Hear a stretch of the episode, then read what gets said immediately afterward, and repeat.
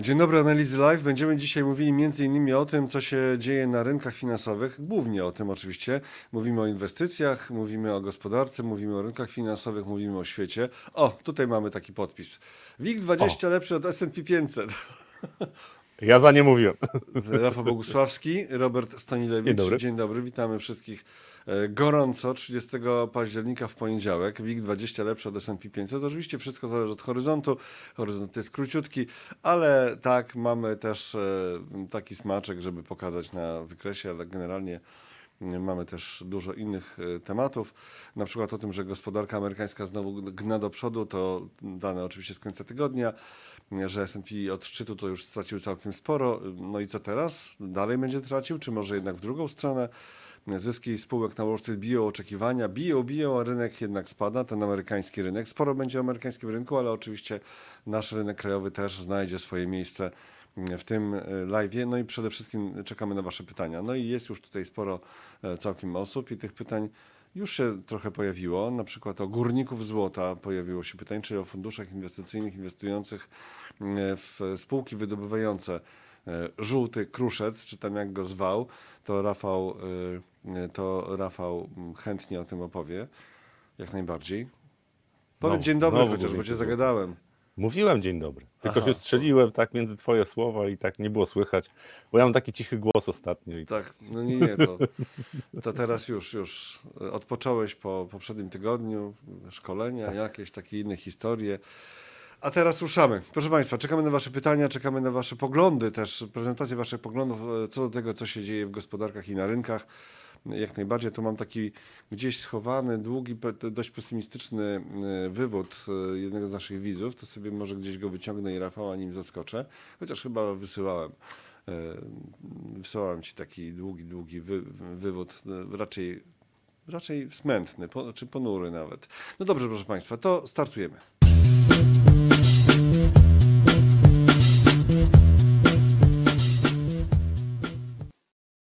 To co, wrzućmy sobie na początek jeszcze raz tą belkę, tak? WIG20 No lepszy tak. od S&P 500. Tyle czasu mhm. czekaliśmy na to. Oczywiście tam jest 500, tutaj 20, 20 spółek. E, Ja, no, troszkę może żartem, ale jednak, tak? Jest taki okres, który można złapać, ten ostatni okres, kiedy rzeczywiście widać e, taką, takie rozkorelowanie się. Proszę bardzo. No i od tego zaczniemy, a potem będziemy mm, mówić o tym, dlaczego ten tydzień może być tygodniem prawdy. Oczywiście w jakimś tam horyzoncie, może niekoniecznie za długim. Niekoniecznie za długim, a tutaj no, zwróćmy na to uwagę, bo naprawdę najczęściej bywało tak, że jednak znacznie częściej WIG20 tracił, a SP500 szedł do góry i zwłaszcza ubiegły tydzień to mieliśmy 3,7 wzrostu na WIG20, 3,7% i spadek ponad 2% SP500. E, No, jeżeli chodzi o WIG20, wydaje mi się, że to jest pochodna w wyniku wyborów. Znaczy, to się zaczęło już w październiku, przed wyborami. Po wyborach mieliśmy dwie sesje e, takie bardziej radosne, natomiast potem, w związku z tym, że była gorsza, koniunktura na świecie, to my też zaliczyliśmy e, korektę. Natomiast no, ostatni tydzień to znowu są wzrosty i zdecydowanie przeciwko tendencjom, które są na rynkach światowych. Pytanie, jak długo to potrwa? No, e, jakby nam teraz SP500 pomógł, i dlatego stąd tytuł też, że to jest dobry czas, taki tydzień prawdy, bo to jest bardzo dobry czas do tego, żeby zmieniła się tendencja. I zaraz powiem o tym, co się dzieje na rynkach w akcji. Mm, W zeszłym tygodniu rynki oczekiwały, ewidentnie oczekiwały na atak Izraela w strefie gazy, ten naziemny atak. E, To się przyciągało w czasie, bo to już miało być nawet dwa tygodnie temu. Rynki są bezwzględne, czy to w ogóle emocje to tam nie mają, nie mają znaczenia, po prostu patrzę, znaczy nie mo- emocje związane z tym, że dzieje, że to jest nieszczęście, tak, że to jest katastrofa też humanitarna, natomiast rynki na to w ogóle tak nie patrzą inwestorzy, patrzą na to, że jest jakiś poziom niepewności. Pytanie, co się stanie, jak Izrael w zeszłym tygodniu było pytanie, co się stanie, jak Izrael zaatakuje strefę gazy. No i praktycznie poza tym, że tam trwa wojna, to na razie Iran poza potępieniem tego ataku nie, nie, nie zdecydował się na jakieś inne kroki. Liban, Hezbollah też nie wykonał specjalnych ruchów. Pytanie oczywiście, czy za chwilę się coś nie wydarzy. Ale w związku z tym, że rynki czekały w ubiegłym tygodniu właśnie na te wydarzenia z Bliskiego Wschodu, to poziom 4200 punktów na SP500 został pokonany w dół. Jesteśmy poniżej tego poziomu i to jest praktycznie ostatni moment, biorąc pod uwagę na to, co się dzieje w, na rynkach światowych i w gospodarce i w po- geopolityce, to jest ostatni moment dla byków, żeby wyprowadzić e, kontratak, czyli wzrosty. Jeżeli by to się udało, listopad byłby wzrostowy, a to jest możliwe, wbrew e, tym wszystkim informacjom, które napływają, czyli tych, y, te wojna, tak, niepokoje związane z też spowolnieniem w Europie, też pytanie o to, co zrobi Fed, jaka będzie konferencja, bo w środę mamy konferencję, to w takim otoczeniu bardzo często rynki akcji wyznaczają lokalne minima. Pytanie, na jak długo, to jest drugie pytanie. Natomiast jak jest skumulowanie złych informacji, to bardzo często jest tak, że rynek po prostu już wycenił to, co się, to, co się mia miało wydarzyć, co się dzieje. Jeżeli nie pojawi się dodatkowe zaskoczenie, to rynek pójdzie w górę. Jeżeli e, szybko został pokonany w perspektywie tych dwóch tygodni poziom 4, 4200 na SP500, to zakładam, że przy tym, co się dzieje w gospodarce amerykańskiej, to jest szansa na to, żebyśmy mieli rajd świętego Mikołaja, który zacznie się teraz w listopadzie. I tutaj jeszcze raz podkreślam, jeżeli e, byki chcą atakować, to teraz. To jest ten tydzień i przyszły. Jeżeli nie zaatakują, to praktycznie no, będzie słabo. Znaczy 3800 pewnie na e, następny przystanek na SP500 to jest 3800, bo tam są takie techniczne wsparcie. Doktor Szum tutaj nagania, jedziemy, ale jedziemy, jedziemy. z czym? Z programem, czy z naszym live'em, czy jedziemy z rynkiem? Przecież WIG20, przecież 2000 Jakiś wierszyk o 2000 WIG 20 może ktoś e, skonstruuje, co? Drodzy. No, no właśnie, właśnie tutaj może... ten magnes 2000 na WIG 20 przestał działać. No była okazja, SP500 spada, a WIG 20 nie, no. Nic mhm. stałego w tej przyrodzie, no po prostu nie wiem, nie wiem, nie, nie wiem co robić, zagubiłem się. E, jedziemy z programem i jedziemy z SP500 w górę. Znaczy ja, ja liczę na to, mówię wprost, liczę na to, że e, indeks amerykański pójdzie w górę, zwłaszcza SP500. Też kilka, kilka programów wcześniej mówiłem o e, Russell 2000, natomiast tam jednak jest rozczarowanie, czy ten indeks zachowuje się słabo, co nie znaczy, że on za chwilę nie może się wzmocnić, ale generalnie e, widać, że mm, inwestorzy jednak obawiają się, że e, w najbliższym czasie gospodarka amerykańska spowolni, co stoi w kontrze do tego, co się dzieje ostatnio, jeżeli chodzi o dane z gospodarki amerykańskiej, bo to, to co gospodarka amerykańska po, pokazuje, to jest dalekie od recesji. Oczywiście są sygnały, że gospodarka spowalnia, natomiast od recesji jesteśmy dość daleko. Marek Bielaski, czołem panowie, ciśniemy do góry. Dwa miesiące wzrostów przed nami, tak to widzę, znaczy tak chciałbym. Znaczy to jest ta subtelna różnica, że tak to widzę, a tak chciałbym. Ja parę razy w życiu tak to widziałem, a okazało się, że tak chciałem. E, i kosztowałoby to sporo pieniędzy, natomiast są przesłanki do tego, żeby być umiarkowanym optymistą, tylko to rynek musi potwierdzić. Znaczy, patrząc krótkoterminowo, w dłuższej perspektywie, bo y, też mam świadomość tego, co się dzieje w gospodarce amerykańskiej i tego, co robi Fed, to trochę dłuższej perspektywie niż najbliższe te 3-4 miesiące, E, to jednak zagrożeń dla wzrostu gospodarczego jest dość dużo i zakładam, że te najbliższe kilkanaście miesięcy to będzie nerwowo, znaczy tam będą i wzrosty i spadki. Pytanie teraz tylko, czy teraz w najbliższym czasie e, byki skorzystają z tego, że pogorszył się sentyment i taką kontrę, a być może nawet kilka miesięcy wzrostów na, na rynku akcyjnym jest dość łatwo wyprowadzić. Znacznie łatwiej niż było to w lipcu, kiedy był powszechny optymizm E, to też o tym mówiliśmy na live'ach, że w lipcu mówiłem, że jest tak optymistycznie i duże domy inwestycyjne pozmieniały e, prognozy dla SP500 na koniec roku, bo generalnie na początku roku to wszyscy stawiali, że tam będzie poniżej 4000. Jak pozmieniali te prognozy na 4400, 4500, 4600 albo więcej, to okazało się, że rynek wyznaczył lokalny szczyt. No i teraz pytanie, czy za chwilę też nie zaczną wyznaczać tych mniejszych poziomów, niższych poziomów, e, bo... Ale to co, oni, to co oni nie wiedzą tego, co ty wiesz? O co chodzi? E, Jak to jest? Znaczy to jest tak, że jakby oni to wiedzieli, znaczy jakby większość w ten sposób e, reagowała, to nigdy by nie było takiej zmienności, znaczy rynki by nie zachowały się w taki sposób, w jaki się zachowują. To jest kwestia to jest jedna z przewag inwestora indywidualnego w stosunku do e, dużych instytucji, że tam jest kwestia jeszcze mm, klientów, ale też zachowania na przykład portfela, bo tam są ludzie, którzy odpowiadają za strategię i najczęściej mają jakieś benchmarki, czyli jeżeli zbyt długo jest po niewłaściwej stronie rynku, to w końcu do, y, oni też odczuwają taki niepokój, który odczuwa e, przeciętny śmiertelnik, że e, rynek porusza się przeciwko nim i wtedy muszą podejmować jakieś decyzje, no bo stracą pracę, więc to jest coś, co na nich też oddziałuje. I e, przy tym, co się dzieje w gospodarce mm, światowej, ale zwłaszcza amerykańskiej, to takie błędne decyzje nie są, nie są trudne do wytłumaczenia. Czy ja wiem, dlaczego takie rzeczy mogą się dziać. E, o, też Dariusz Kliszcz Hildenhagen. Łapka w górę, pozdrawiam. No, no ja właśnie, tak, tak, tak. Łapki w górę, tak. Ale Więc, nie obydwie, tylko jedna. Tylko jedna. Tylko jedna. Mhm. E, ja, e, znaczy patrząc właśnie na to, co się wydarzyło w ostatnim czasie, to, to po prostu liczę na to, że tutaj z trochę niższych poziomów niż zakładałem, bo jesteśmy poniżej 4200 na SP500, ale liczę na to, że rynki się pozbierają i zaczną rosnąć. No tak, liczysz na to, ale pamiętam, fajną rzecz powiedziałeś. Nieraz miałeś nadzieję, ale jak to było, że tak że nawiązując do komentarza jednego. Czasami, czasami widziałem, a okazało się, że tylko że chciałem. chciałem. Że tylko chciałem, tak, a nie widziałem. Że to, chce, że to chcenie było tak silne, że aż to zobaczyłeś, tak? Tak, tak. Mhm.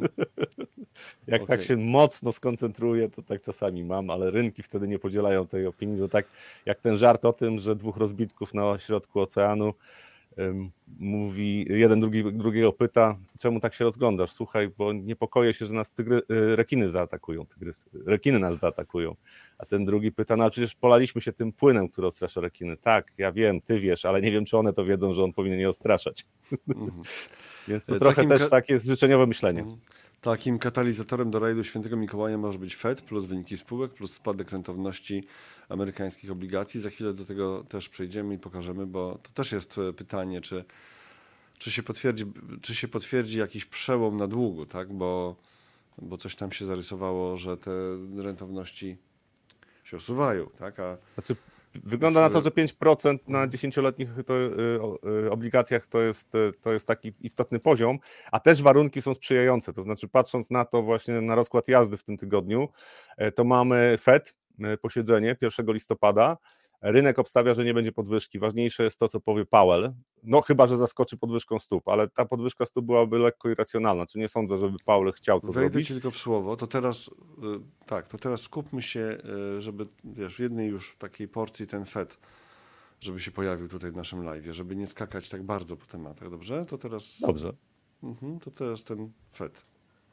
I, I, tu jest e, pytanie oczywiście, co, jaki będzie komunikat przede wszystkim. Ja zakładam, że FED nie, podno, nie podniesie stóp procentowych. Ten poziomy stóp procentowych, które są w tej chwili, e, są wystarczające do tego, żeby, przy, żeby gospodarka się schłodziła i spadły, y, spadła inflacja bez szoków zewnętrznych, tak? czyli pomijając na przykład ceny ropy naftowej.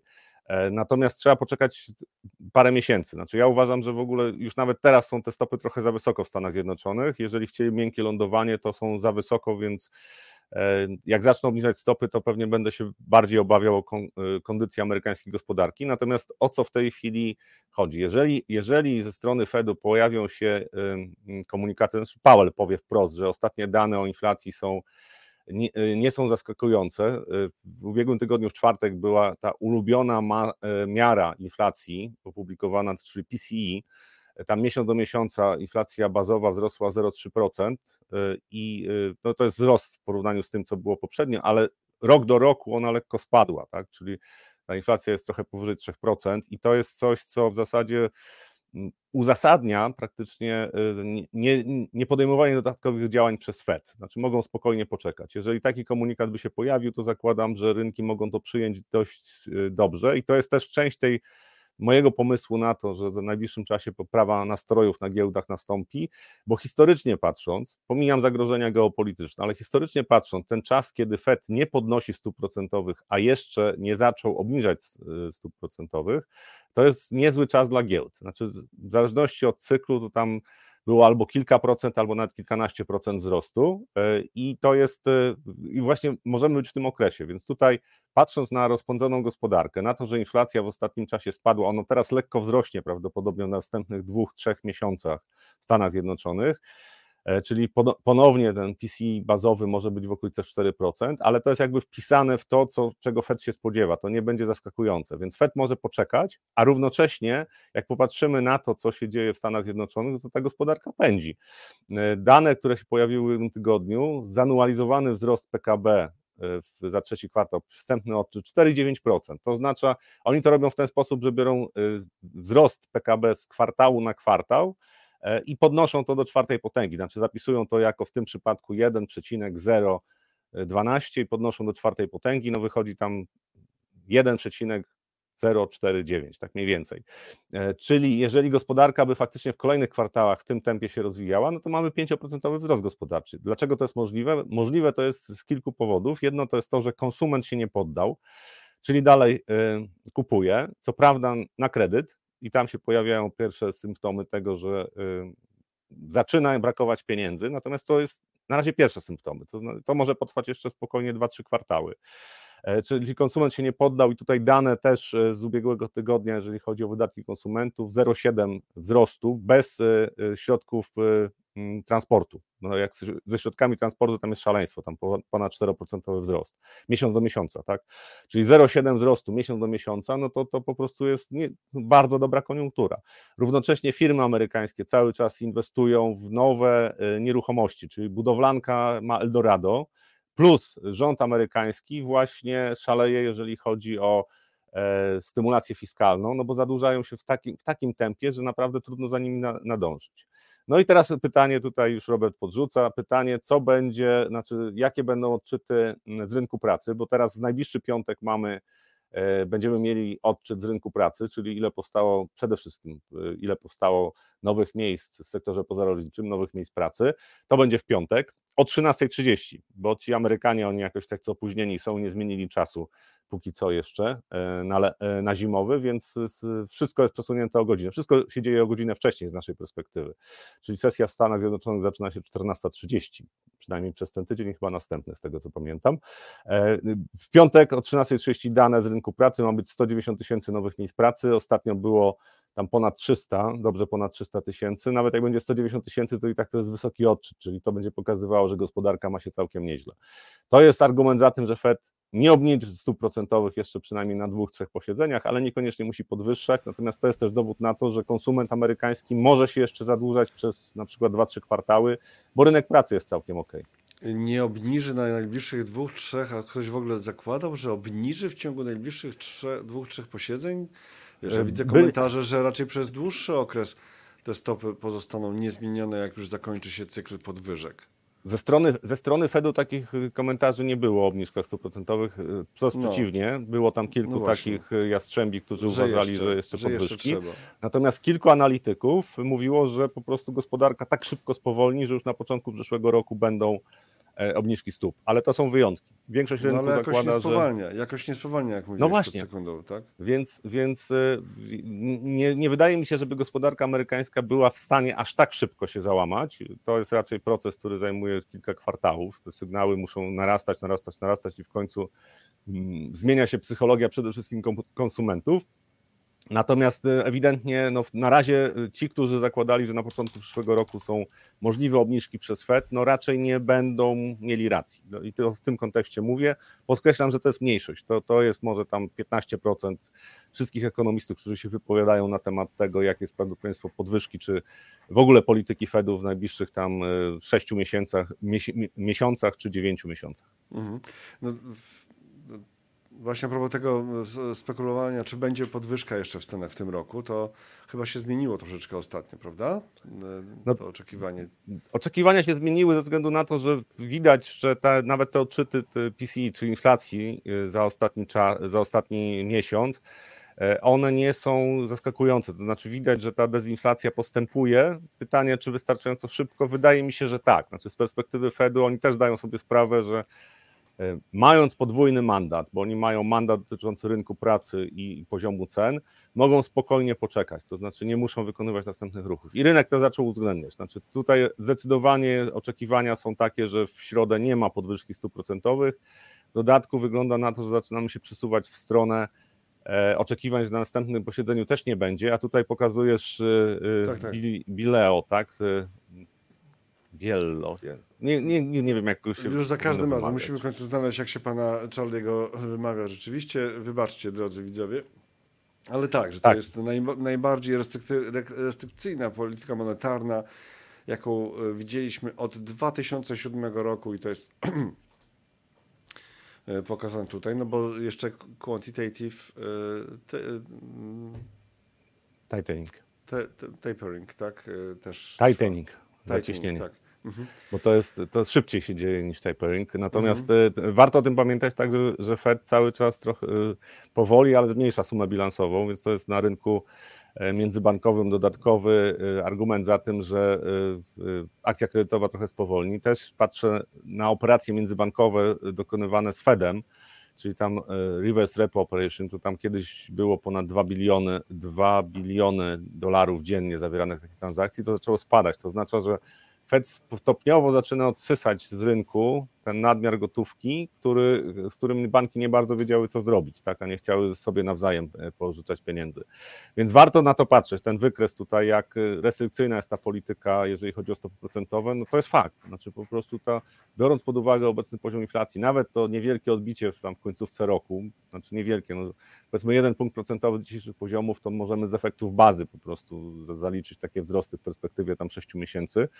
E, natomiast w trochę dłuższej perspektywie to tylko szoki zewnętrzne według mnie mogą spowodować, czyli na przykład gwałtowny wzrost cen e, paliw albo energii, e, ewentualnie żywności. To, to, też niekoniecznie dotyczy tylko Stanów Zjednoczonych, jeżeli chodzi o żywność, tylko ogólnie. Tak? I to Australia jest producentem żywności, Brazylia, Argentyna to są kraje, na które też warto patrzeć z perspektywy tego, co się może dziać na rynku żywności. To tylko takie szoki zewnętrzne mogą wywołać bardzo gwałtowny wzrost inflacji ponowny.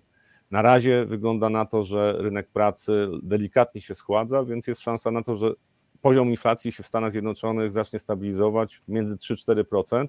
Pytanie, czy są w stanie zbić inflację poniżej 3%? Według mnie nie. Znaczy tych napięć e, podtrzymujących inflację e, w gospodarce amerykańskiej będzie wystarczająco dużo, żeby inflacja była powiedzmy o ten punkt procentowy wyżej niż była w poprzedniej dekadzie apel do Państwa. E, proszę, nie doczmy tutaj dyskusji o tym, że ktoś tam tak mówię o dyskusjach pozarynkowych, poza merytoryczno-rynkowych, bo kwestia tego, jakie są przyczyny konfliktu na Bliskim Wschodzie, od lat i tego, kto kogo bije. No nie tutaj, nie chcę teraz blokować, kasować, ale proszę, już nie o tym. Rozmawiajmy merytorycznie, inwestycyjnie. Jeżeli ktoś chce rozmawiać o jakiejś geopolityce, czy toczyć takie spory ostre, e, czy nie wiem, kulturowe, to, to mm, na pewno jest wiele kanałów, które są bardzo otwarte na takie zdarzenia. Tutaj proszę, nie, Paweł.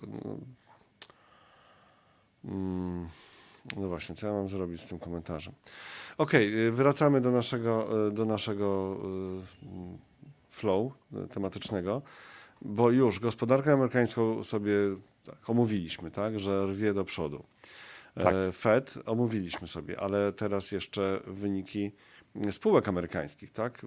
To jeszcze zanim przejdziemy do wyników mhm. spółek amerykańskich, to jeszcze w kontekście tej e, posiedzenia Fedu w środę, mhm. bo tam będzie jeszcze jedno wydarzenie. E, e, reflektory na Janet Yellen, czyli szefową Departamentu Skarbu i sekretarza tak skarbu.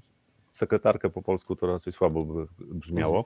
Mhm. Natomiast o co chodzi? Oni w kwartalnie podają rozkład jazdy, jeżeli chodzi o poziom emisji długu czyli kiedy, jakie przetargi, jak się, czego się spodziewają. W sierpniu podali, że na czwarty kwartał, czyli październik, grudzień, spodziewają się emisji długu netto na poziomie ponad 800 miliardów dolarów. I teraz y, kilka godzin przed posiedzeniem Fedu będzie informacja na temat tego, powinna być informacja na temat tego, jak faktycznie w tej chwili będzie wyglądał y, y, kolejne przetargi na dług amerykański, czyli jak bardzo będą się zadłużali.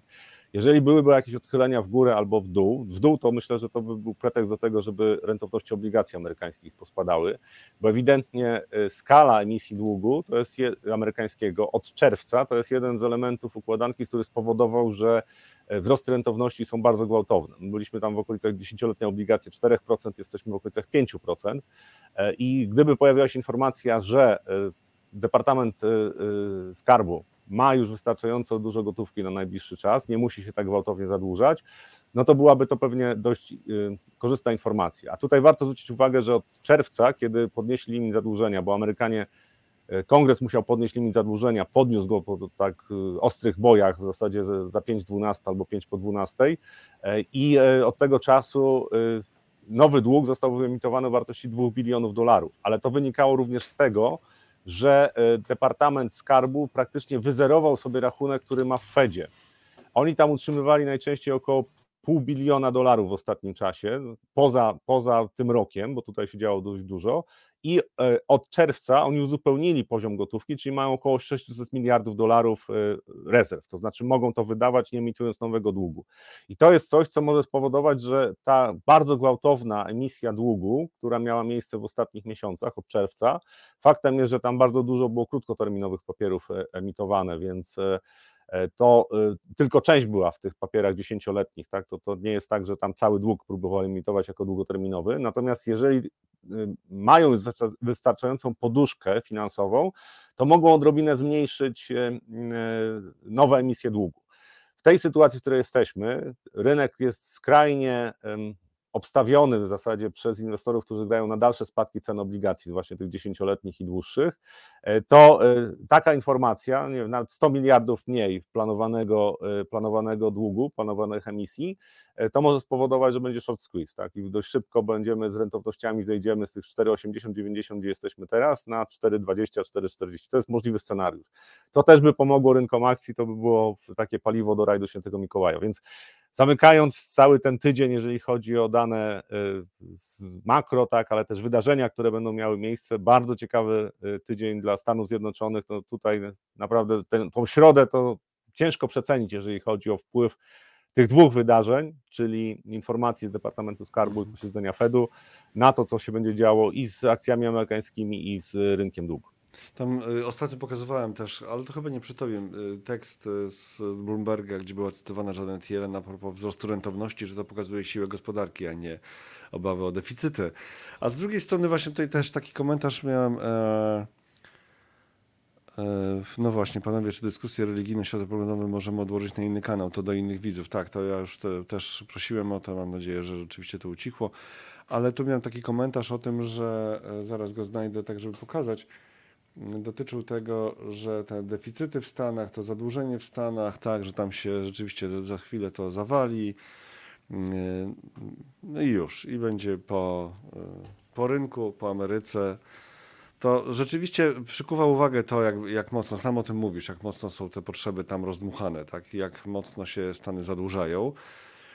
Faktycznie robi to gigantyczne wrażenie, Bidenomika i tak dalej, ale też z drugiej strony Y, jest ta pułapka podawania nominalnie tego zadłużenia. Zresztą w Stanach to faktycznie ma duże oparcie w tym, że jak oni mają ten swój limit długu, to jest to nominalny limit długu i muszą go podnosić za każdym razem i tam się jakoś spierać wokół tego jest dużo bicia piany, w końcu podnoszą ten limit długu nominalny, no więc ta nominalność tak przykuwa uwagę, że to są takie y, zyliony niedługo, czy jakieś y, już nie chcę tworzyć albo wypowiadać słów, które mogłyby zahaczać o jakąś niekoniecznie kulturalną, kultur, kultur, kulturalne określenie tych kwot.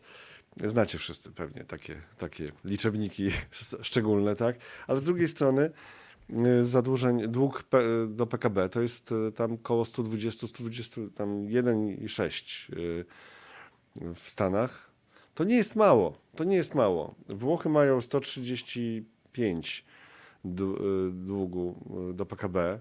No i tak nie mówimy codziennie o tym, że Włochy upadną. Inna sprawa, że to nie Włochy trzymają świat w kupie, tylko Amerykanie jednak, tak czy inaczej, w ten czy inny sposób. No ale, no właśnie, oderwijmy się trochę od tego nominalnego podejścia. Ale tutaj to... Ma, co? Znaczy, ja, to znaczy... nie jest do ciebie, że oderwijmy się, tak? Tylko jak, to, jak y, ktoś słyszy o, tej, o tym, że Boże, ta Ameryka zaraz się załamie, albo o, Ameryka się zaraz załamie, tak? Bo jest zadłużona. No to, znaczy, po to pierwsze, to, potrwa. To, to nie zaraz się załamie, natomiast to też warto o tym w, to przypomnieć, bo też o tym mówiliśmy, że w, w, czasie e, spotkania w klubie ekonomicznym nowojorskiej Powell powiedział, że jego e, poziom zadłużenia nawet do PKB, czyli te 120 kilka procent do PKB, to, to go nie martwi. Martwi jego tempo przyrostu. I tutaj e, chodzi o to, że za poprzedni rok E, fiskalny, czyli ten, który zakończył się we wrześniu, e, e, rząd amerykański podwyższył deficyt dwukrotnie, to znaczy z biliona dolarów przeskoczyli na 2 biliony. I jeżeli weźmiemy 2 biliony do 27 bilionów, które jest PKB, to zaczyna być problem, bo jeżeli w tym roku fiskalnym by zrobili 2,7 biliona, czy tam 2,8 biliona, bo gospodarka nominalnie trochę, trochę wzrośnie, to mamy 10% deficytu do PKB i nie mamy recesji. Tak? To jest coś, co warto brać pod uwagę. To pytanie, jeżeli w okresach recesyjnych deficyt y, ciężkich recesji, deficyt fiskalny y, przekraczał czasami 5%, ale nie zawsze, tak, to pytanie, co teraz się wydarzy, jeżeli nastąpiłaby recesja w Stanach Zjednoczonych, to jaki będzie poziom deficytu, jak będą chcieli utrzymać, nie pozwolić, żeby gospodarka się załamała. I to jest wyzwanie.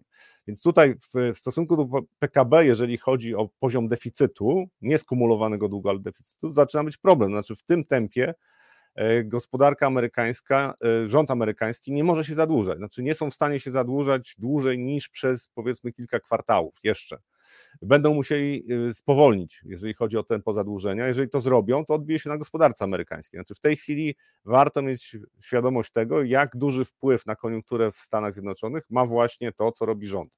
Czyli te pieniądze, które są pompowane w amerykańską gospodarkę przez rząd, powodują, że y, gospodarka ma się lepiej, firmy widzą optymistycznie przyszłość, a konsument mówi: Dobra, będę się zadłużał, na razie nie poddaję, bo rynek pracy wygląda dobrze. W przyszłym roku według mnie to się zmieni. Znaczy, rząd amerykański nie będzie w stanie utrzymać e, takiego tempa zadłużania, czyli 2 biliony deficytu za cały rok fiskalny, według mnie jest trudne do sfinansowania.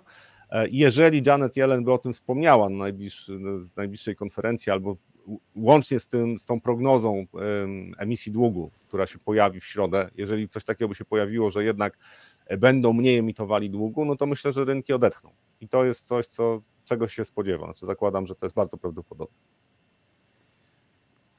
Przepraszam, zaczytałem się w wasze komentarze. Przez chwilę słuchałem cię tak troszeczkę, wiesz, na 30%, a zaczytałem się w komentarzach, ale wrócimy do tych komentarzy. No muszę to jakoś obserwować przecież nieustannie, prawda? Żeby potem e, próbować to jakoś ogarniać, co nie jest e, łatwo. E, słuchaj, dług, to, to, po kolei, tak? To teraz już Fed, bo to była ta dygresja do tego Fedu, który się spotyka w środę i w czwartek o tym powiemy. W czwartek po e, tak 2 listopada o tym będziemy rozmawiać w analizach live rano, czyli będą analizy live rano. E, a teraz e, do obligacji, bo jest masę pytań, tak? To można już brać te TLT, czyli ETF-a na dług, tak? No TLT to jest iShares, który inwestuje w obligacje skarbowe amerykańskie ponad 20-letnie. Tam duration jest około 16 lat, więc to jest taki e, no, dług naprawdę z, potężną, e, z potężnym ryzykiem stopy procentowej. E, ten, ten ETF od szczytu stracił 50%, ponad 50%, tam już 51 czy 52% od szczytu.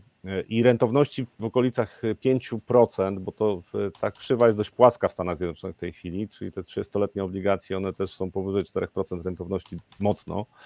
E, to w nieco dłuższej perspektywie to chyba mm, może być niezły scenariusz, znaczy dla kupujących takie obligacje, tylko warto pamiętać o tym, że jeżeli by e, realizowały się scenariusze konfliktów kolejnych, e, niekoniecznie takich fizycznych, jak jest wojen fizycznych, tak jak jest pomiędzy Rosją i Ukrainą, ale napięcie, takie, taka wojna hybrydowa bardziej między Stanami i Chinami, to, to wcale nie są niskie poziomy oczekiwanej inflacji to też te poziomy oczekiwanej inflacji ostatnio wzrosły, więc to też są rzeczy, które, które są mocno niepokojące, stawiając prognozy na dłużej niż na przykład tam kilka miesięcy, to trzeba brać pod uwagę, że następne 3-4 lata to może być okres, kiedy będziemy po raz, raz po raz zaskakiwani czymś, co będzie się działo w geopolityce, tak jak dość zaskakujący był atak Hamasu na Izrael. To jest coś, co inflację będzie podbijało. Więc te powiedzmy 4,50, 4,60 tak, długoterminowych obligacji, które są w portfelu takiego, takiego ETF-a, to może się okazać, że to nie jest aż tak atrakcyjne. Ja uważam w ogóle, że ta dekada to będzie dekada problemu z inflacją, tylko takich problemów, które będą malały i rosły. To nie oznacza, że inflacja ma być 20% w Stanach Zjednoczonych, ale ponowny wzrost inflacji w perspektywie powiedzmy dwóch, trzech lat, czterech lat, nie ze względu na to, co się dzieje w gospodarce amerykańskiej, tylko to, co się dzieje na świecie, to ten wzrost inflacji powiedzmy powyżej 6% jest możliwy, jest prawdopodobny. E, I wtedy raczej będziemy znowu tracili na, na tych obligacjach. Natomiast krótkoterminowo, tak w perspektywie powiedzmy 6 miesięcy, to zakładam, że szansa odreagowania na, na amerykańskim długu jest bardzo wysoka. To znaczy, nieco krótszej perspektywie te zyski na tych obligacjach mogą się pojawić. Jak duration jest 16, no to jeden punkt procentowy zmiany rentowności to oznacza, że 16% wzrosną ceny tych obligacji, więc trzeba tego mieć świadomość, że ryzyko jest dość wysokie. Nie słychać Cię, Robercie.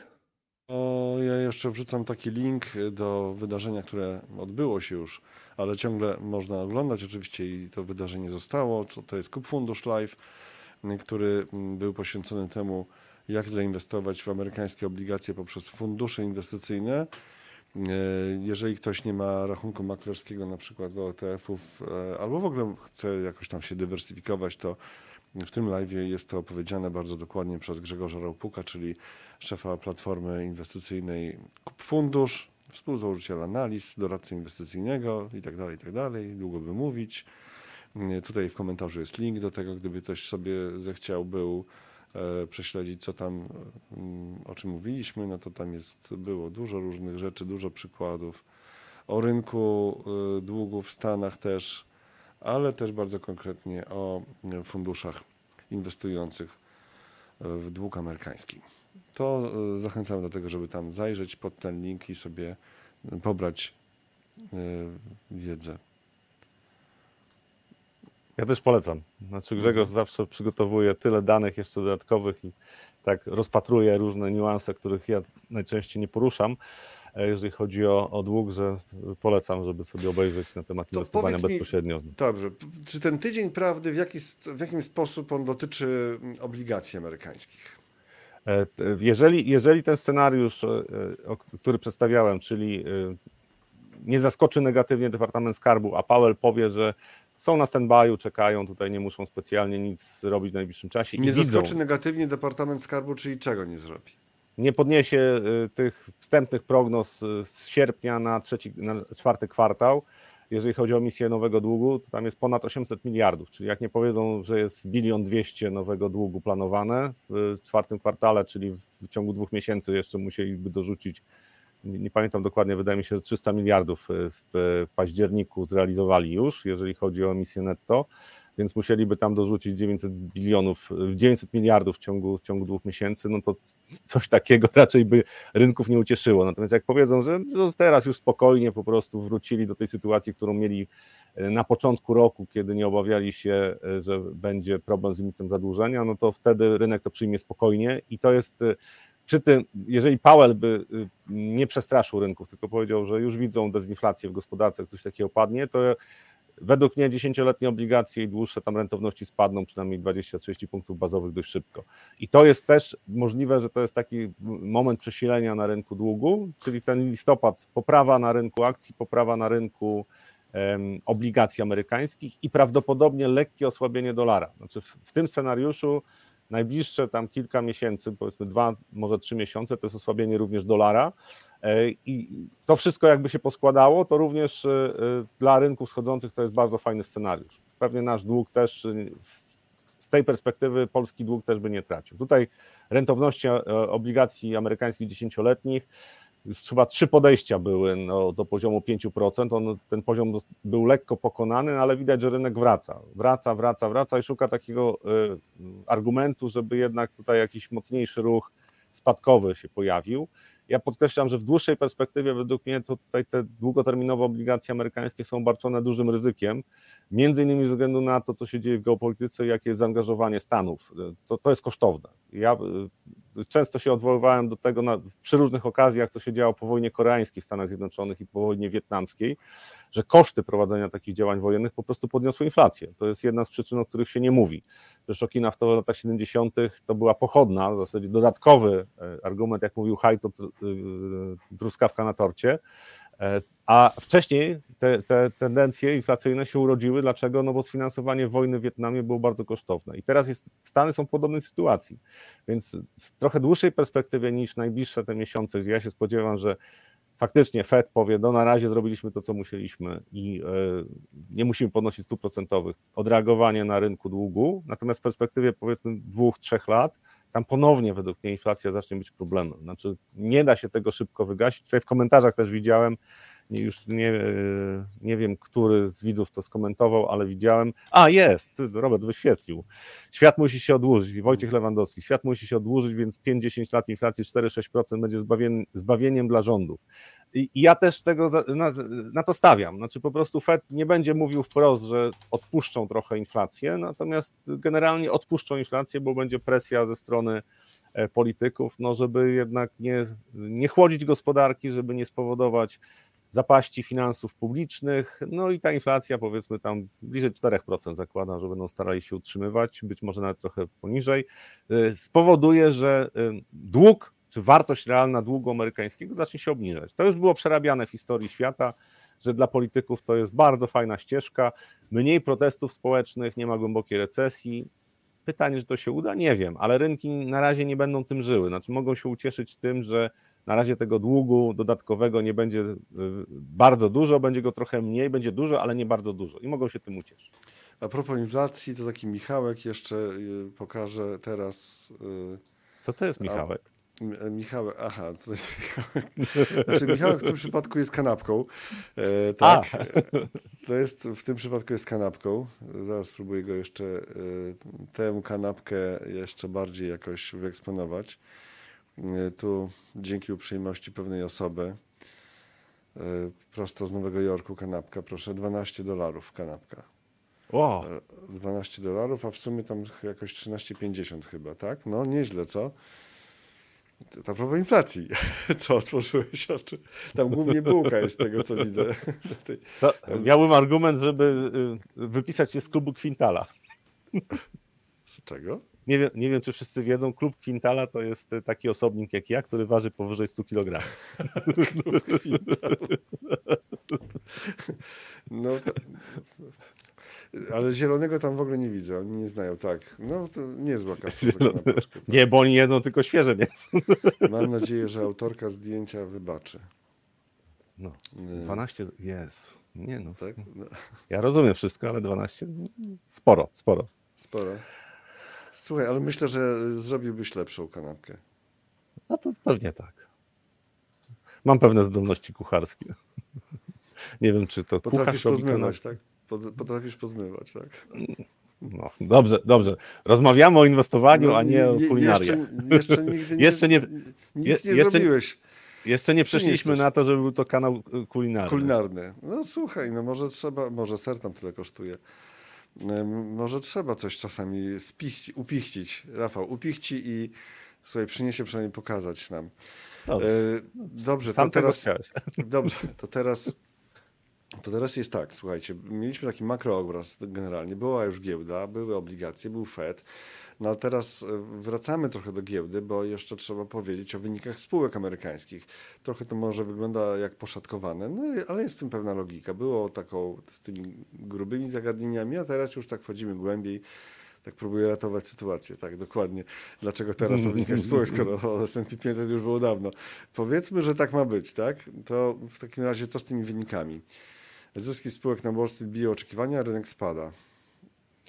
E, Już y, ponad połowa spółek, y, Factset publikuje, ja zapraszam na stronę Factsetu, publikuje e, zbiorcze takie co tydzień, jak jest sezon wyników, to praktycznie co, ty, co tydzień pojawiają się dane.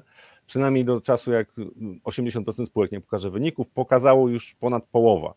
E, Złącznie z tymi, co pokazały w, osta w ostatnich dwóch dniach. E, To jest e, i dane, które, które pojawiły, no to pokazują przede wszystkim jedno, że 78% spółek z SP 500 pokonało e, prognozowane wyniki. To jest no, mniej więcej na średniej takiej długoterminowej. E, Natomiast jeżeli ten poziom zysków się utrzyma, to na razie e, amerykańskie spółki idą na wzrost zysków rok do roku na poziomie 2,7%. To jest tam od kilku kwartałów pierwsza sytuacja, kiedy nastąpił wzrost. Co ciekawe, mamy od lipca przecenę, tak? czyli wcześniej rynek jakby wyceniał tą poprawę, a teraz trochę się boi o to, co się pojawia w tych prognozach przede wszystkim, bo stosunkowo mało obecnie spółek daje tak zwany forward guidance, czyli te prognozy. Bardzo wiele spółek zrezygnowało po COVID-zie z prognozowania wyników tam w trochę dłuższej perspektywie. Natomiast no, generalnie jednak trochę spółek podaje oficjalne, a niektóre tylko mówią w komentarzach, czego się spodziewają. E, I wśród tych spółek, które mają te forward gu- guidance jest 18, które e, pokazały e, poprawę sytuacji i 12, które pokazały pogorszenie sytuacji. Więc to jest też jedna z rzeczy, którą warto brać pod uwagę, że e, e, te perspektywy no nie, są, nie są tak różowe. To znaczy, tam jest trochę obaw dotyczących zwłaszcza rentowności, zwłaszcza tego, że już w czwartym kwartale może, może, mogą być korekty w dół wyników. I to jest e, według mnie jedna z przyczyn też tego, że ta korekta na rynku, zakładam, że korekta, a nie jeszcze Bessa, że ta korekta na rynku amerykańskim no, trochę się pogłębiła. Natomiast obraz, jeżeli chodzi o wyniki tylko za trzeci kwartał, jest niezły. Marcić może trochę reakcja na niektóre dane, jak na przykład na wyniki alfabetu, czyli Google, E, bo tam e, pomimo tego, że pokonali e, prognozy, tak, mieli wzrost, to tylko słabsze przychody z chmury, z tego segmentu działalności w chmurze spowodowały, że była przecena tam ponad 10% chyba łącznie.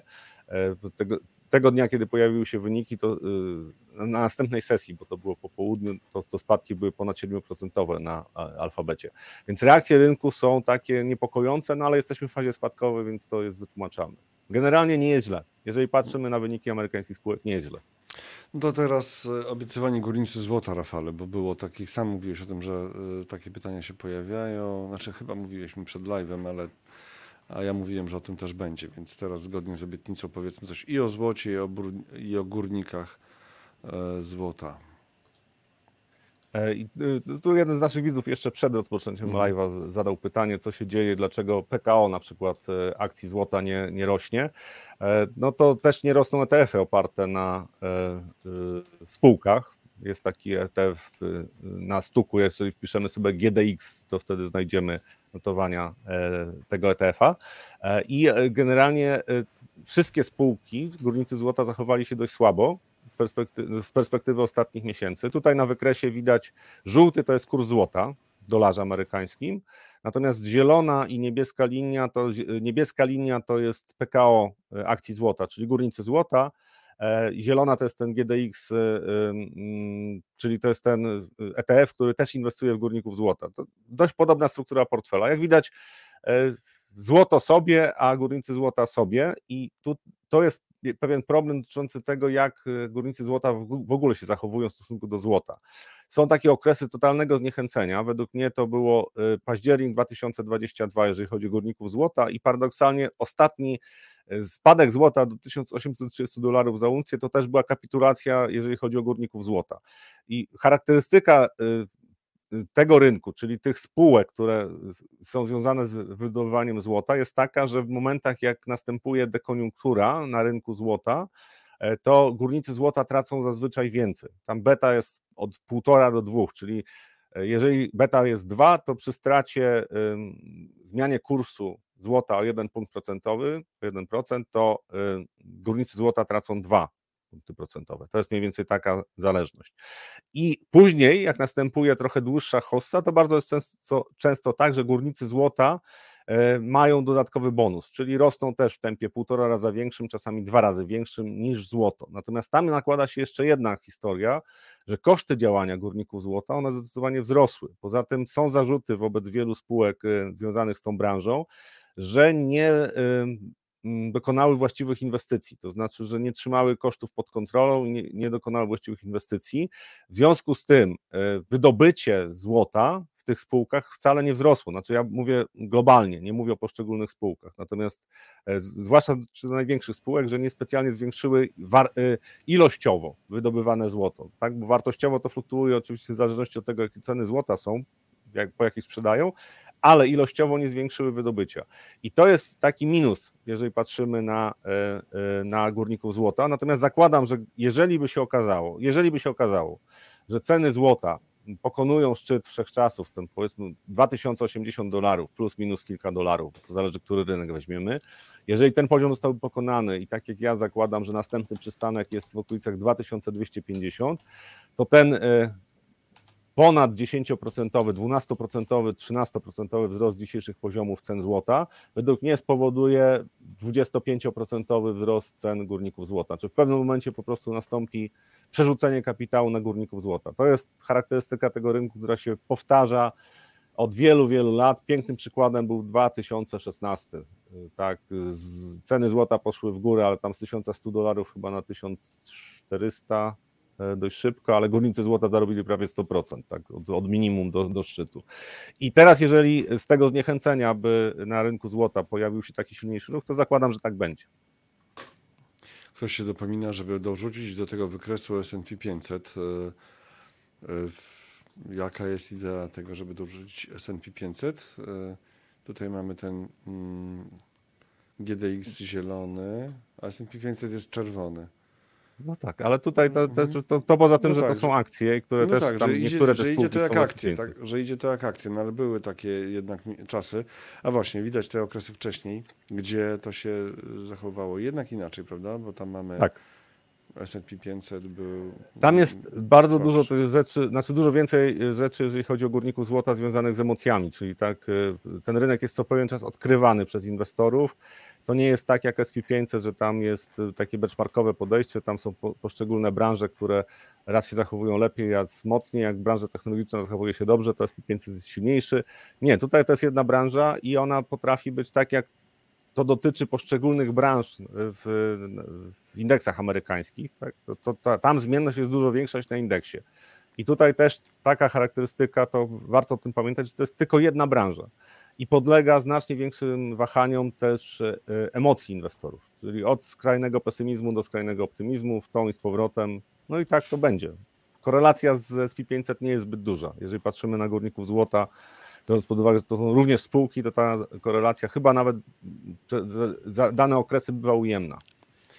To teraz zakręceni jak chiński termos wracamy do tematów związanych ze stopami procent- procentowymi i bankami centralnymi, tylko tyle, że wracamy do Europy. Europa ma trudniej, bo mm, wprawdzie trudniej niż Stany. Pamiętacie jeszcze, co mówiliśmy o Stanach? Tak? Pamiętacie? Dawno to było. To Europa ma trudniej. EBC nie podniosło mm, stóp procentowych. Pytanie, czy to już koniec podwyżek? E, W mojej ocenie, ale podkreślam w mojej ocenie koniec, e, podstawowa stopa procentowa w strefie euro jest na 4,5% i Europejski Bank Centralny po pierwsze widzi, że gospodarka europejska hamuje znacznie szybciej niż amerykańska. Znaczy amerykańska to trudno powiedzieć, że hamuje, tak, bo trzeci kwartał jest lepszy niż drugi kwartał tego roku. Natomiast europejska gospodarka ewidentnie ma problemy, e, Niemcy mają problemy, E, Końcówka tego roku, początek przyszłego roku jest raczej słaby i narastają problemy dotyczące Włoch, czyli ten deficyt Włoch prawdopodobnie w okolicach 5% do PKB plus cały dług e, publiczny, który mają e, i wzrost rentowności to jest coś, co będzie rzutowało na postrzeganie e, włoskiej gospodarki, włoskiego długu, też włoskiego sektora bankowego. Wydaje mi się, że włoska giełda w najbliższym czasie może cierpieć z tego powodu. Natomiast konferencja, oczywiście w czwartek odbyło się posiedzenie mm, Europejskiego Banku Centralnego, konferencja po posiedzeniu. Christine Lagarde powiedziała, że będą trzymali e, stopy procentowe na wysokim poziomie ze względu na to, żeby no, zwalczyć inflację. Według mnie nie będą w stanie za długo utrzymywać tych stóp na wysokim poziomie ze względu właśnie na słabnięcie gospodarki i napięcia, które będą pojawiały się w takich krajach jak Włochy, może Grecja mniej, ale prawdopodobnie Hiszpania albo Francja to są też kraje, które mogą mieć problemy, e, jeżeli chodzi o tempo wzrostu gospodarczego. Nie jest samą usługę długu, ale tempo wzrostu gospodarczego. Więc według mnie y, to w trochę dłuższej perspektywie niż najbliższe dwa miesiące, to euro jest skazane na osłabnięcie, natomiast y, do dolara. Natomiast w perspektywie najbliższych e, kilku tygodni, to czy nawet dwóch miesięcy, to tutaj odreagowanie na euro jest możliwe, ze względu na to, że Powell może zaskoczyć trochę gołębi podejściem, no i wtedy taki scenariusz e, osłabienia dolara byłby czymś, co pewnie rynki przyjęły pozytywnie. Natomiast to, co, na, to, co ewidentnie w- tej chwili wi- widać, jeżeli patrzymy na mm, gospodarkę europejską, to ta gospodarka wyhamowała w takim tempie, e, jakiego większość analityków się nie spodziewała. Zaskakująca jest też słabość sektora usługowego. To znaczy, to nie jest tak już teraz, że tylko w e, strefie euro jest e, słabo z przemysłem, ale jest ze usługami też nie najlepiej, więc można powiedzieć, że Europejski Bank Centralny, jeżeli chodzi o inflację e, powodowaną skutkami wewnętrznymi, czyli presją płacową, e, tym, co się dzieje z e, nadmiernym popytem, to już osiągnął swój cel. Bardziej będą teraz uzależnieni od tego, co się będzie działo z cenami surowców, czyli ceny ropy naftowej, ceny gazu, nie tylko ziemnego, generalnie gazu, ceny energii elektrycznej, na to wpływu nie mają. Koniec miesiąca, jutro ostatni dzień października, no i oczywiście y, szybkie dane o inflacji, więc y, czego oczekujemy? Czego oczekujecie? Jaka będzie inflacja? Jaka, y, jak tam ceny w październiku? Oczywiście, jeżeli No ktoś tak właśnie. prognozuje sobie, to teraz czekamy na Wasze wpisy, Wasze propozycje. Jutro Rafała nie ma, jutro nie czekamy do inflacji. Jutro będzie Magdalena Polan, y, główna To ekonomistka. z panią Magdą można poczekać. spraw rynków. No, oczywiście, a poczekać z panią Magdą, no pewnie. Z, Na inflację. Pewnie, że można, tak, na inflację. To też nie jest trudne, bo pani Magda też jak e, potrafi mówić be- bez e, zaczerpywania powietrza dość długo, spokojnie, ale dość długo. E, Więc kto wie, może doczekamy do tego, mm, do tej pory, gdzie będzie flash inflacyjny. Jakie są wasze oczekiwania? Jakie są twoje oczekiwania? 8,2 e, było we wrześniu, to co nam pokaże październik? E, Znaczy tutaj za chwilę powiem, jakie są oczekiwania e, rynkowe, czyli średnia ekonomistów, bo to już też na Makronexcie można znaleźć. I e, oczywiście dalszy spadek y, inflacji, co wynika że z tego również, że w październiku jednak mieliśmy, GUS bierze dane z pierwszej połowy miesiąca, więc tam jeszcze mieliśmy okres przedwyborczy i praktycznie z, ceny benzyny w Polsce były w okolicach 6 zł na stacjach Orlenu, o ile była. E, Benzyna była, ropy nie było, natomiast, e, ina- przepraszam, nie ropy, diesla nie było. E, Jeżeli, jeżeli popatrzymy na to, no to oczekiwania rynkowe są, w, że będzie poniżej 7%, czyli 6,9%. Ja tutaj widzę Zachary Zorian dla Polski 7,5%, Dobrze, ja stawiam oddajemy wam 7,2%. momencik, tak, 7,5. ym, Zachary pisze. Paweł pisze 7,2 i po legendzie jak nie trafię. No to jest właśnie to ryzyko. Tak, i po legendzie jak nie trafię. 7,2, tak. Koniec Ja też miesiąca trzeba 7,2, oczekiwać. to, Wyp- to, tak? to bo- będziemy No mogli to- założyć klub tych, co po legendzie. To, A, to twoja jest jaka? Twoja jest jaka? Prognoza? 7,2 też zakładam, 7,2, bo tak? Czyli dokładnie jednak jak Paweł K. Tak. Mhm, dobrze. Płace zobacz. i, i żywność, to, to no, nie, nie zejdziemy chyba poniżej 7. Tak? Zobacz. 6 i 4 U! CPI.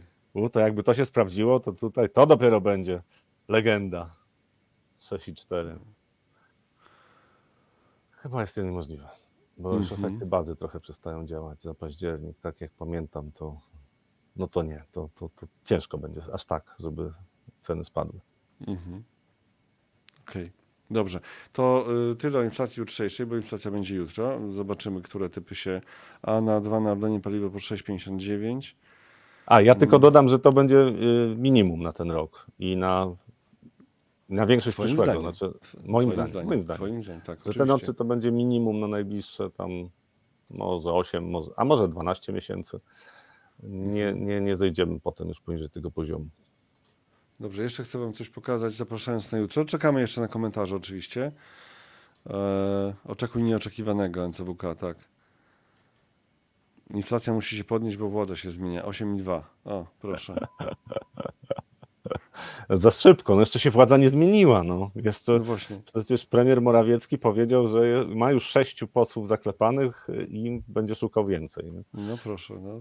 To No. jeszcze, jeszcze paru Znaczy ja, ja swoją żartuję drogą- oczywiście, bo ja tego nie śledzę zupełnie, Mhm. tak? Znaczy, to Tak, tylko Ale wpadła mi drogą, informacja w ale swoją drogą się rzeczywiście okaże, że to, to, to jest, tak, pan, pa, pa, państwo ma, nie mają wstydu po prostu, bo wiesz, najgorsze jest to, dobrze, odchodzimy już tematów merytoryczno-rynkowych, na chwilę oddech taki polityczny, mm, może trochę nieświeży oddech polityczny, jak głosujesz na, jako, na jakiegoś gościa, który jest w jakiejś tam partii, takiej czy innej, a potem on chwilę po zmienia barwy, no to po prostu tak, no ręce, Słuchaj, ręce muszę- opadają. Muszę przeczytać. Mitter napisał. Analizy live są jak ta kanapka. Samo mięso, za takie informacje się słono płaci. Dlatego like, jedna kaloria. I wielkie dziękuję panie Robercie za ten program, gości tematy. Samo mięso, widzisz? Samo mięso.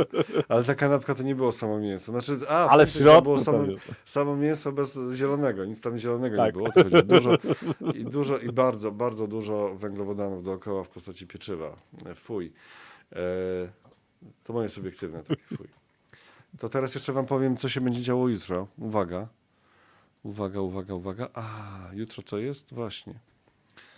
Wtorek. Jutro jest... Tak, Ojej.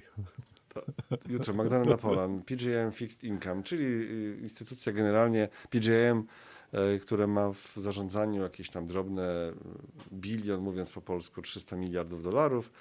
Y, A y, pani Magda Polan, nasza stała komentatorka, jest y, szefową, jest główną ekonomistką do spraw rynków wschodzących, w tymże PGIM Fixed Income. PGIM, taka tajemnicza nazwa, która w Polsce jest może mało znana, ale jak już rozwiniemy O matko, co za plansza. No nie, prawda? Co nie mówiłem. Ale jak już rozwiniemy, to tam jest to, pod tym pierwszym P się ukrywa, czyli to już jest e, znacznie bardziej się z czymś e, kojarzy. Tak, tak, jutro będą rynkowe upiory. O, nie, e, o niemieckiej gospodarce będzie na przykład więcej, bo to jest naprawdę spora obawa podobno tam na świecie. No, na pewno porozmawiamy też o tych reakcjach powyborczych jeszcze i jak świat widzi Polskę powyborczo również. Znaczy ja nie mogę nie zapytać o to, czy pani Magda coś powie na ten temat, to wiecie, to już jest poza moją mocą. Słuchajcie, no chyba na dzisiaj to wszystko, tak? Już, tak? Tak, Tak. jakoś tak dzisiaj, Chyba tak. jakoś tak dzisiaj krótko. Godzinka minęła.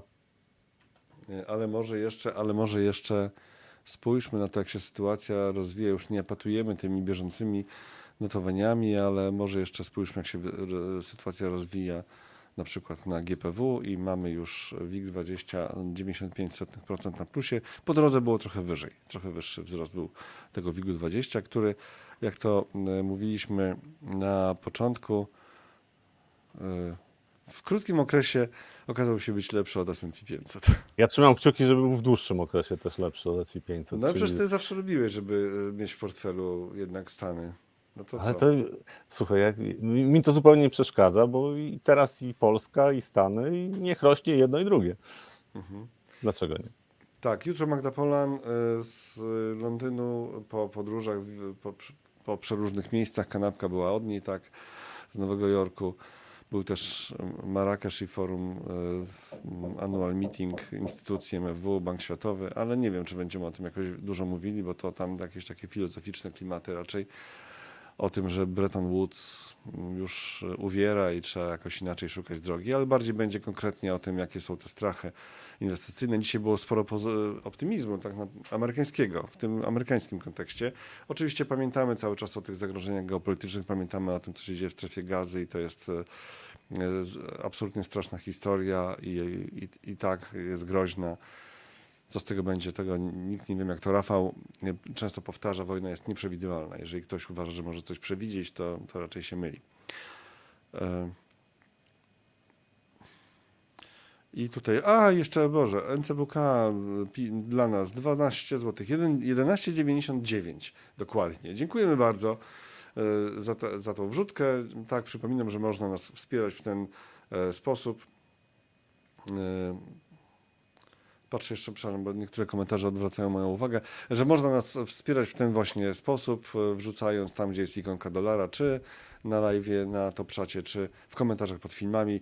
Zachęcamy do tego bardzo gorąco, żebyście zostawiali też komentarze pod filmami, jeżeli nie oglądacie nas na żywo, a większość osób jest z nami już w postaci filmu. E, Zachęcamy też do tego, żebyście zrobili sobie subskrypcję kanału Analizy live i też reagowali, byli z nami na bieżąco i widzieli, co się dzieje. Do tego jeszcze warto włączyć sobie powiadomienia.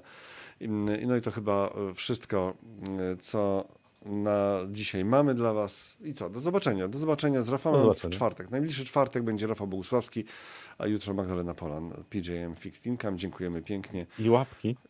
I łapki, łapki w górę, tak. Po jednej. Do Po zobaczenia. Jednej, do zobaczenia, tak. Jeszcze muszę dżingiel na koniec puścić uroczyście i widzimy się niebawem.